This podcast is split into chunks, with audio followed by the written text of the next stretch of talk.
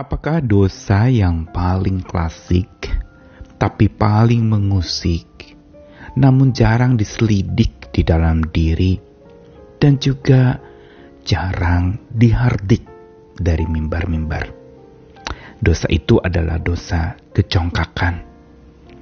Apa pun bentuknya, kecongkakan atau kesombongan atau pongah atau angkuh, entah di dalam hati atau diungkapkan, dikatakan, disampaikan, semua itu bersumber sama, yaitu sebuah penolakan akan Tuhan.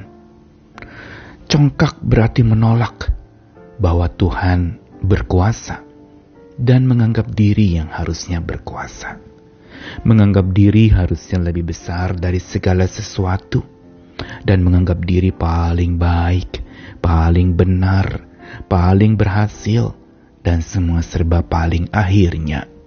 Jadi berpaling dari Tuhan, diganti posisi Tuhan seolah menjadi hamba kita, dan kita yang menjadi Tuhan atas Tuhan kita sendiri. Kita benar-benar harus membuka mata lebar-lebar supaya kita bisa memahami dan betapa berbahayanya kecongkakan itu. Sehingga kalau ada peribahasa yang mengatakan berakit-rakit dahulu berenang-renang ke tepian. Maka peribahasa yang senada dengan itu hari ini kita renungkan. Congkak dahulu, hancur kemudian. Saya Nikolas Kurniawan kembali menyapa di dalam Sabda Tuhan dari Amsal pasal 8 ayat 13, lalu pasal 16 ayat 18, dan pasal 29 ayat 23. Sebagiannya dibacakan dari Alkitab versi Alkitab yang terbuka. Kesombongan hanya menimbulkan pertengkaran, tetapi hikmat ada pada mereka yang menerima nasihat. Lalu pasal 16 ayat 18, kecongkakan mendahului kehancuran dan tinggi hati mendahului kejatuhan. Serta Amsal 29 ayat 23 juga dari Alkitab versi Alkitab yang terbuka keangkuhan seseorang akan merendahkan dirinya sendiri, tetapi orang yang rendah hati akan menerima pujian. Tiga ayat yang dibacakan adalah cuplikan ayat dari sekian banyak ayat di kitab-kitab bijak, baik di Amsal atau di sekujur kitab suci ayat-ayat yang memuat dan mengingatkan dengan sangat keras mengenai dosa kesombongan. Berulang kali dalam berbagai bentuk Istilah ini muncul, sombong, angkuh, pongah, congkak. Dan semuanya ini kenapa diulang-ulang di dalam banyak ayat-ayat di kitab suci kita? Karena ini adalah dosa paling klasik. Kenapa saya katakan paling klasik? Manusia pertama jatuh di dalam dosa bukan semata dan sekedar dia makan buah terlarang yang Tuhan larang untuk dimakan. Tetapi karena ada kecongkakan yang mendahuluinya kecongkakan yang mendahului ketika diiming-imingi manusia itu akan jadi seperti Tuhan, seperti Allah kalau memakan buah itu. Ini menyebabkan karena besar kepala dan merasa ingin menjadi yang terbesar dan itu yang mengawali manusia pertama memakan buah yang harusnya tidak boleh dimakan.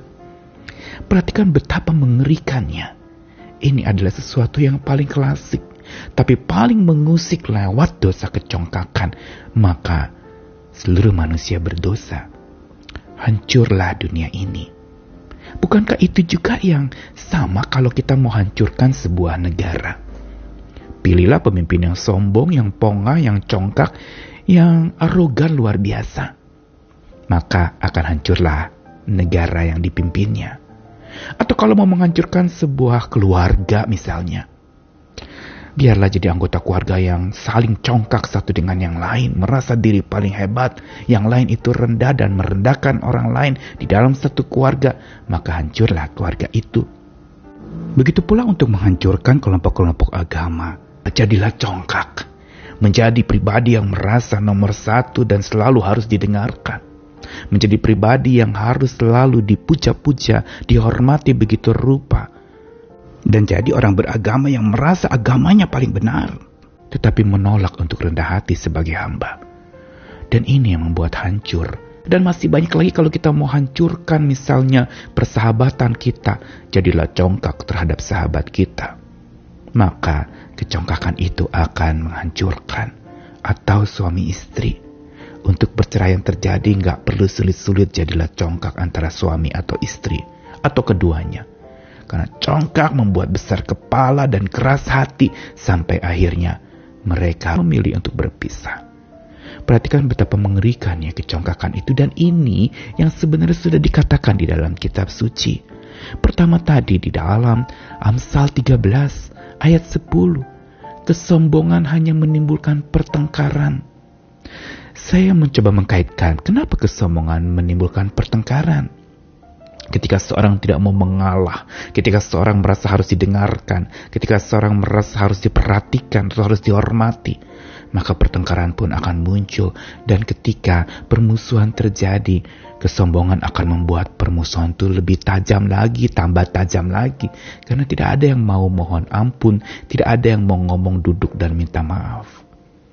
Namun dikontraskan, orang yang berhikmat adalah orang yang menerima nasihat dan ini diawali dengan kerendahan hati.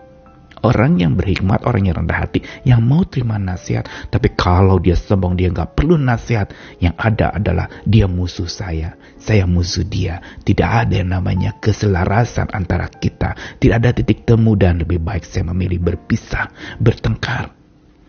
Atau di dalam Amsal 16 ayat 18 tadi ini ayat yang sudah sering kita dengarkan. Kecongkakan mendahului kehancuran, tinggi hati mendahului kejatuhan.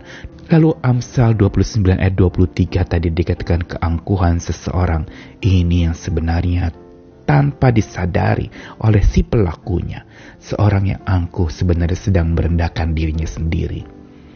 Dia mungkin tampaknya merendahkan orang lain, tapi saat dia merendahkan orang lain, dia sebenarnya sedang merendahkan dirinya sendiri dengan menjadi arogan dan memandang remeh orang-orang lain.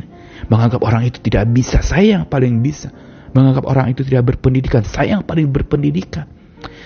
Orang yang angkuh, dia sedang bunuh diri, sebenarnya dia sedang menghancurkan dirinya sendiri. Namun dikontraskan dengan kata apa? Orang yang rendah hati akan menerima pujian. Bukankah ini juga yang dikatakan tentang Yesus Kristus di dalam Filipi pasal 2? Bahwa dia yang rela mengosongkan diri dan menjadi rendah, bahkan rendah hatinya luar biasa dan ujungnya adalah apa? Allah meninggikan dia. Karena dia merendahkan hati. Karena dia menjadi hamba. Bahkan lebih rendah dari seorang hamba. Dan ujungnya adalah Tuhan meninggikan dia. Karena itu bertobatlah kita ingat Raja Hizkia yang pernah menjadi pongah karena itu dia tidak mau berterima kasih atas kebaikan Tuhan.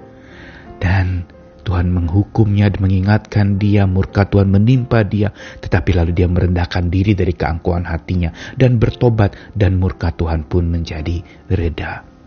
Biar kita belajar hari ini menjadi pribadi yang rendah hati. Ini adalah sesuatu yang justru patut kita perjuangkan.